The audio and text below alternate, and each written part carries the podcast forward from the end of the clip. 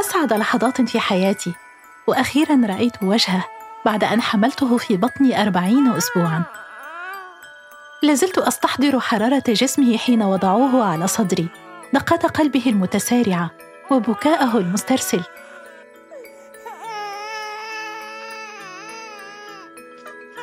أسميته نور فكان نورا أضاء دنياي. صرت أما. منذ طفولتي وأنا أجهز نفسي لهذه التجربة.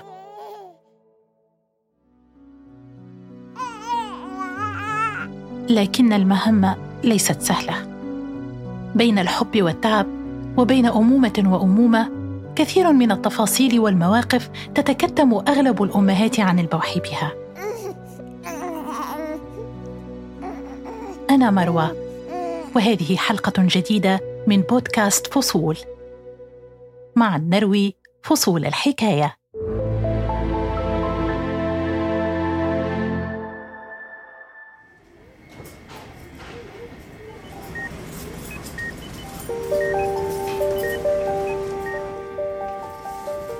الحقيقة أنا كنت ببقى كارهة الزيارة دي جدا.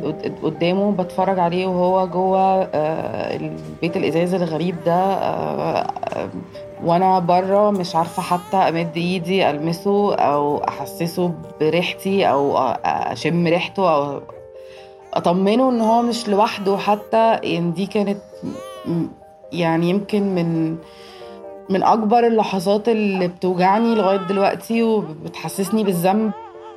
هذه سارة السباعي محررة ومترجمة مصرية تبلغ من العمر 41 عاماً.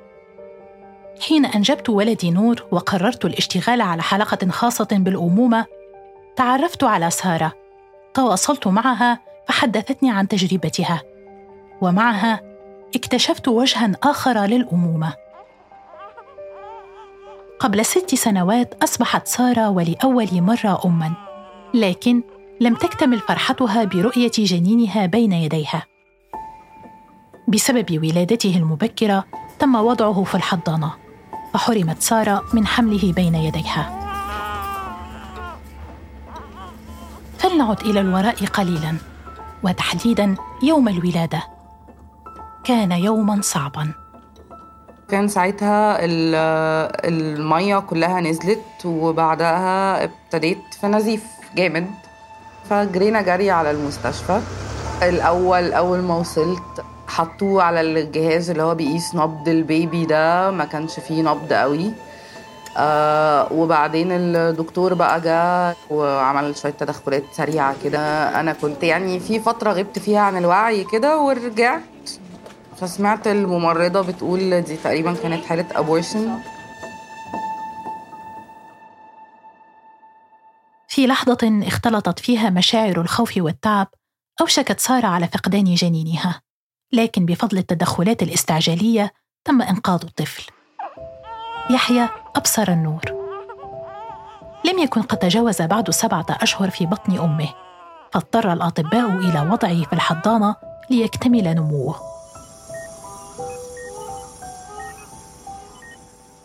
قعد في الحضانة ثلاث أسابيع. هما تقريبا دول أكتر ثلاث أسابيع أنا مش فاهماهم في حياتي. يعني آه، فكرة إن هو طلع من جوايا وبعدين حصل انفصال كامل ما بيني وما بينه كده حتى ما بقاش معايا دي كانت من من الحاجات القاسية جدا. يعني اللي أنا بصراحة يعني لسه لحد دلوقتي مش قادرة أقعد كده وأفككها وأتعامل معاها نفسيا يعني. لازلت أتذكر يوم إنجابي لولدي نور. كان جسمي ضعيفا بسبب المجهود الذي بذلته خلال الولادة. مما جعلني أغيب لاحقا عن الوعي. لكن عندما استفقت لم أفكر في نفسي بل كان كل همي حمل طفلي وأرضعه. أما سارة التي كان يفصل بينها وبين طفلها حاجز زجاجي لم تتمكن حتى من لمسه فكان شعورها العجز والخذلان. يعني كنت ببقى دايما حاسة إن أنا خذلته. خذلته جامد جدا جدا وهو ما يعرفش حد غيري وإني تخليت عنه يعني أو هجرته. وكنت ببقى كارهة نفسي جدا في اللحظة دي لإني ما قدرتش إن أنا أحميه أو أوفر له بيئة آمنة جوايا كفاية إن هو يكمل. حاسة إن إن أنا فشلت وإن أنا عاجزة كمان إن أنا أعمل أي حاجة. كان في شعور دايما كده سيء وإن أنا غالبا مش هبقى أم كويسة لأني بدأتها مش كويسة أصلا.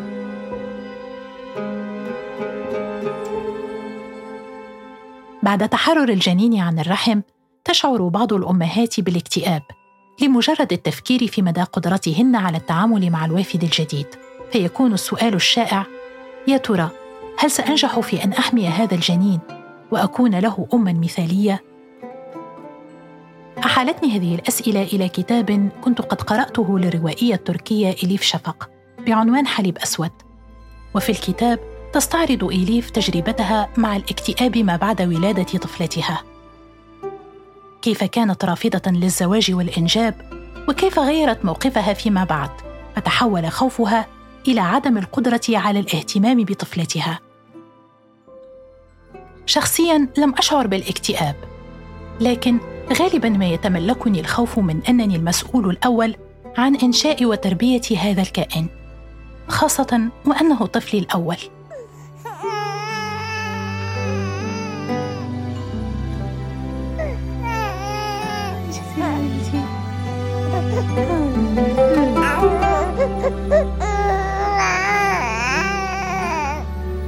يا إلهي انشغلت في روايات إليف ونسيت أن أطعم نور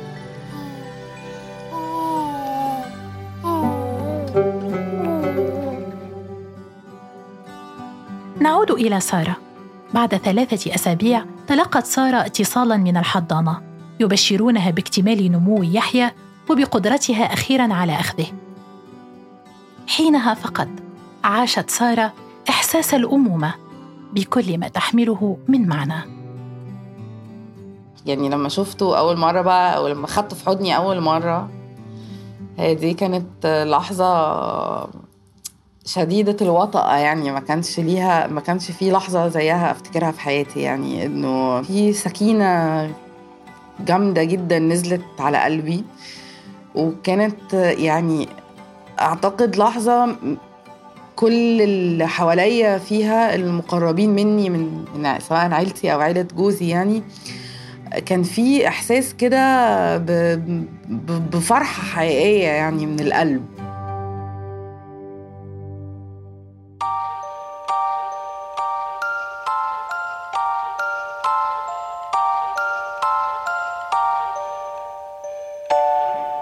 للامومه لحظاتها الحلوة والصعبة. بعد أن صرت اما بدأ يتغير لدي مفهوم الأمومة. ذلك المفهوم الذي طرحه المجتمع وعممه على جميع الأمهات. الأم المطالبة بالتضحية والمتكتمة عن البوح بما يختلج نفسها ويرهق كيانها. فهو المجتمع بس عايز يدينا النسخة بتاعت دي الأمومة دي مفيش زيها وكلها سعادة بس وكل التضحيات أو أنا مش حتى لفظ التضحيات ده بيضايقني الحقيقة لأنه هو هو ده أصلا أصل المشكلة إن هي حتى تضحيات مش ضرورية. يعني هو المجتمع طالب من الأمهات تضحي طول الوقت من غير ما يبقى في احتياج للتضحية دي. ممكن تبقى حلول بسيطة جدا ما تخليش الأم دي تضحي بأي حاجة بس هو لأ انت بتحبي تضحي فضحي بقى وما تقرفيناش. رغم خروج يحيى من الحضانة لم يكن هينا على سارة نسيان اللحظات الصعبة التي عاشتها بعيدا عن طفلها. كانت تبكي كلما احتضنته كان جميع المحاطين بها يستغربون ما تشعر به إلا والدتها. وكما يقال لا يشعر بالأم إلا الأم. يمكن أنا كنت محظوظة شوية إن مامتي كان كانت من الناس اللي اللي عندها وعي بان بكم اللخبطة في المشاعر اللي الأمومة دي بتجيبها معاها. فأنا قعدت مثلا كنت بعد ما يعني يحيى خرج من الحضانة وبقى في حضني خلاص. قعدت كل ما أشيله اعيط اعيط اعيط وكل الناس كانت ما خلاص بقى ما هو بقى كويس تمام. هي كانت فاهمة ده فحتى قالت لي يعني أفتكر في مرة كده وأنا بعيط عيطي عيطي الموضوع كبير وهتفهميه بعدين. فأنا آه إحساسي إنه أصحابنا الأمهات حتى آه، آه، آه، بيخافوا يقولوا لنا الحقيقة من زمان. بمجرد أن تكوني اما يتزايد لديك الشعور بالمسؤولية في تربية وتنشئة طفلك. ومع ازدياد الشعور بالمسؤولية تتضاعف مشاعر الخوف والحذر. حينها فقط نتفهم سلوك أمهاتنا وخوفهن الزائد علينا حين كنا صغارا. هو طبعا هو أنا أصلا آه، من ساعة ما خلفت وأنا ب يعني بتأمل في في علاقتي بأمي بشكل يعني ملح جدا عليا الحقيقة. وآه طبعا فاهمة تماما حاجات ما كنتش فاهماها خالص. آه بالذات فيما يتعلق بمشاعر الخوف. آه يعني إنه لا بلاش دي عشان أنا خايفة عليكي. آه آه ربنا يهديكي يا بنتي. آه استقلي وكل حاجة بس بس برضو إيه وأنا مطمنة عليكي. فآه أنا حتة الخوف دي أنا أو أو الحجم الخوف والقلق الدائم اللي بنبقى حاسين بيه على العيال ده أنا بصراحة ما كنتش ما يعني ولا على بالي. لا حاسة دلوقتي إنه طبعا في فرق شاسع ما بين إن الواحد يبقى جوه الأمومة وما بين إنه يبقى براها. من أم لأم معان كثيرة ورسائل تحاول أمهاتنا ترسيخها فينا حتى ننجح في المهمة. إلى أن يأتي اليوم الذي تنقلب فيه الأدوار ونصبح أمهات لأمهاتنا.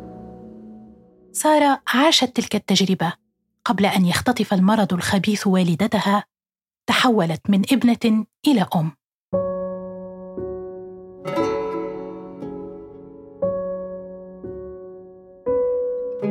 أنا حتى ما كنتش حاسة الإحساس بتاع أنا برد لها الجميل. لا أنا كنت حاسة أنا بحبها. وعايزاها عايزاها تبقى كويسة ومرتاحة ومتحوطة بالحب في وقت صعب في حياتها لأن أنا بحبها. طبعا كان في إحساس بالمسؤولية وكل حاجة بس مسؤولية منبعها مختلف كتير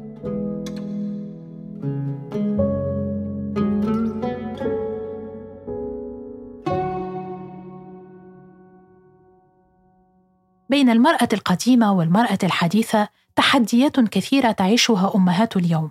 شخصياً عشت تلك التحديات. حتى أكون في عين المجتمع امرأة ناجحة، علي أن أهتم بمظهري، وأن أؤدي مهامي داخل البيت وخارجه، وأن أنجح في شغلي طبعاً، دون أن أقصر ولو قليلاً في دوري كأم. فلو فشلت في القيام بإحدى تلك المهام، حكم علي المجتمع بوجود خلل ما. انت ست حديثة بقى فانت برضو مطلوب منك مع كل الحاجات اللي هي القديمة بتاعت التضحيات اللامتناهية دي اللي بنبقى مبسوطين وإحنا بنعملها.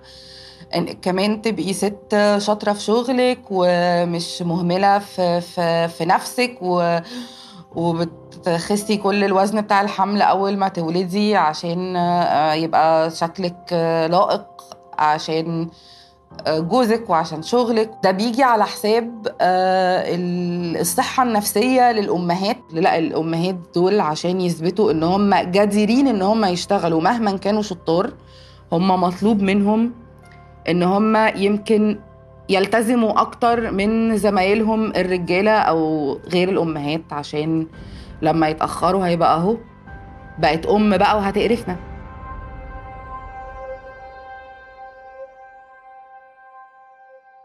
في حديث سارة عن الصحة النفسية وتأثير ذلك في عملها استحضرت كتابا كنت قد قرأته للشاعرة المصرية إيمان مرسال بعنوان كيف تلتئم عن الأمومة وأشباحها. وفي الكتاب تستعرض إيمان بعضا من مذكرات أدريان ريتش والتي عبرت فيها عن إحباطها لأنها لم تكن تجد الوقت لممارسة مشروعها ككاتبة. ثم تنتقل إيمان للحديث عن تجربتها الشخصية. وتنقل جوانب لا تجرؤ الأم عن الحديث عنها حتى بينها وبين نفسها. كالشعور بالذنب والحيرة بل واحيانا الانزعاج من الإنجاب. فخطر ببالي أن أسأل سارة إذا ما مرت عليها فترة انزعجت فيها من طفلها. يمكن بدايات إن أنا أبتدي آه، أتضايق من الخلفة مش منه هو. هو آه لما كان ابتدى يبقى بيتحرك وابتدى يبقى مطلوب مني أنا كنت حاسة إن هو في مهمة انتحارية طول الوقت كده. يعني إحنا بنروح من كارثة لكارثة. هو بيجرب حبيبي بس أنا برضو إنسان عايز يعني يقعد من غير ما يبقى مركز قوي كده مع حد ولو حبة صغيرين. فأنا كان ده الوقت أكتر وقت يمكن كنت ببقى متضايقة فيه من الخلفة اللي هو إحساس أنا طول الوقت مضطرة أبقى مركزة مع معاه ومش عارفة أركز مع حاجة تانية خالص. لدينا مثل في تونس يقول أن المرأة عند الإنجاب تكون ساق في الدنيا وساق في القبر بمعنى أنها تكون بين الحياة والموت. لازلت أستحضر آلام المخاض والمجهود الذي بذلته خلال الولادة. لكن بمجرد رؤية نور وسماع صوته لأول مرة نسيت كل التعب. أما سارة وبسبب حرمانها من اللقاء الأول بينها وبين طفلها لم تنسى. كنت تصوري كان عن إن أنا لحظة الولادة دي برضو الناس معظمها بتقعد تقول الساعة المنسية وإن ده وجع بيتنسي وإن ده دي لحظة بتعدي كده ما بنحسش فيها بأي حاجة ما بنفتكرش أي حاجة من اللي حسينا من اللي حسيناها بعدها. أنا الحقيقة فاكرة كل لحظة وفاكرة قد إيه جسمي ما كانش قادر يكمل وفاكرة قد إيه جسمي ما كانش ما كانش قد اللي مطلوب منه. أنا ما زال إحساسي تجاه جسمي إنه لا أنت ضحكت عليا يا عم. أنت جيت قلت لي أنا ه... أنا هحمل وهخلف و... وأنا أصلا ما كنتش طالبة منك ده. وبعدين كمان بهدلتني ومرمطتني وحرمتني من ابني.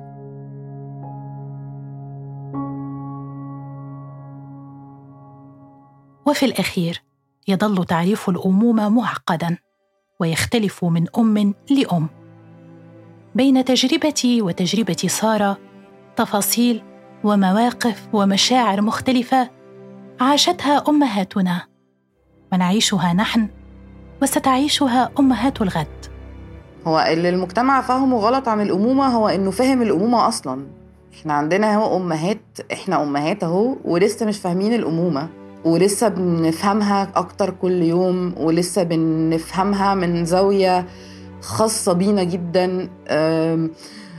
مش كل الأمهات عندها نفس الظروف عشان تحس بنفس الحاجات. فانا بصراحة بشوف إنها بجاحة شديدة جدا إن أي حد مش أمهات يفترض إن هو فاهم الأمومة. وكمان آه، في ناس كتير بتيجي تعرفنا إيه هي الأمومة. يعني أنا في ناس كتيرة لما باجي أتكلم عن الأمومة بلاقي آه، آه، أنا آسفة يعني بس رجالة كتير بيخشوا يشرحوا لي الامو الأم بتحس بإيه. وأنا فعلا حتى ما يعني الأول كنت بتخانق مع الناس دي دلوقتي بطلت أرد لأني مش عارفة يعني أنا ما عنديش حاجة أقولها لأنه في الآخر هو المجتمع قافل ودنه عن إنه يسمع آه، حقائق الأشياء. مفيش حقيقة مطلقة حبيبي عشان نقولها لبعض. في فترة المخاض ويوم الولادة وبعد الإنجاب كان معي زوجي ووالدتي. كلاهما ساعدني بطريقته. وجود أمي معي وأنا متغربة عن بلدي كان أكبر محرك لي للمضي قدما في تجربة الأمومة دون خوف. كنت ولازلت أتعلم منها. أستفيد من تجربتها. وكلما أحسست بالضعف ألتجئ إليها.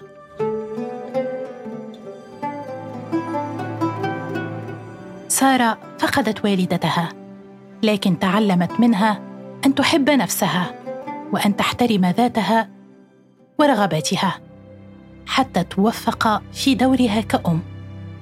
وفي ختام حديثي معها تتوجه سارة برسالة إلى كل أم. خليكي رحيمة بنفسك. آه مش كل الأمهات أمهات كويسة بس معظم الأمهات بتحاول و... وساعات كتيرة جدا لما لما بنسيب إحساس الذنب هو اللي يسوق تعاملاتنا مع أطفالنا ده بيبقى مؤذي ليهم أكتر من إن إحنا نبقى عندنا رحمة مع نفسنا ونسامحها و... و... ونتجاوز الغلط اللي عملناه معاهم لأن إحنا أكيد بنغلط معاهم و... وفي نفس الوقت لما لما بنغلط لو بنعتذر لهم مش مطلوب مننا أكتر من كده. يعني إن إحنا طالما الغلط مش مش غلط يعني جسيم أو مؤذي بشكل عنيف. ف طالما بنقف ونراجع نفسنا وحتى نعلمهم بده مراجعة نفسهم وللأسف كل حاجة هتبقى حلوة طالما إحنا بنحبهم ومع...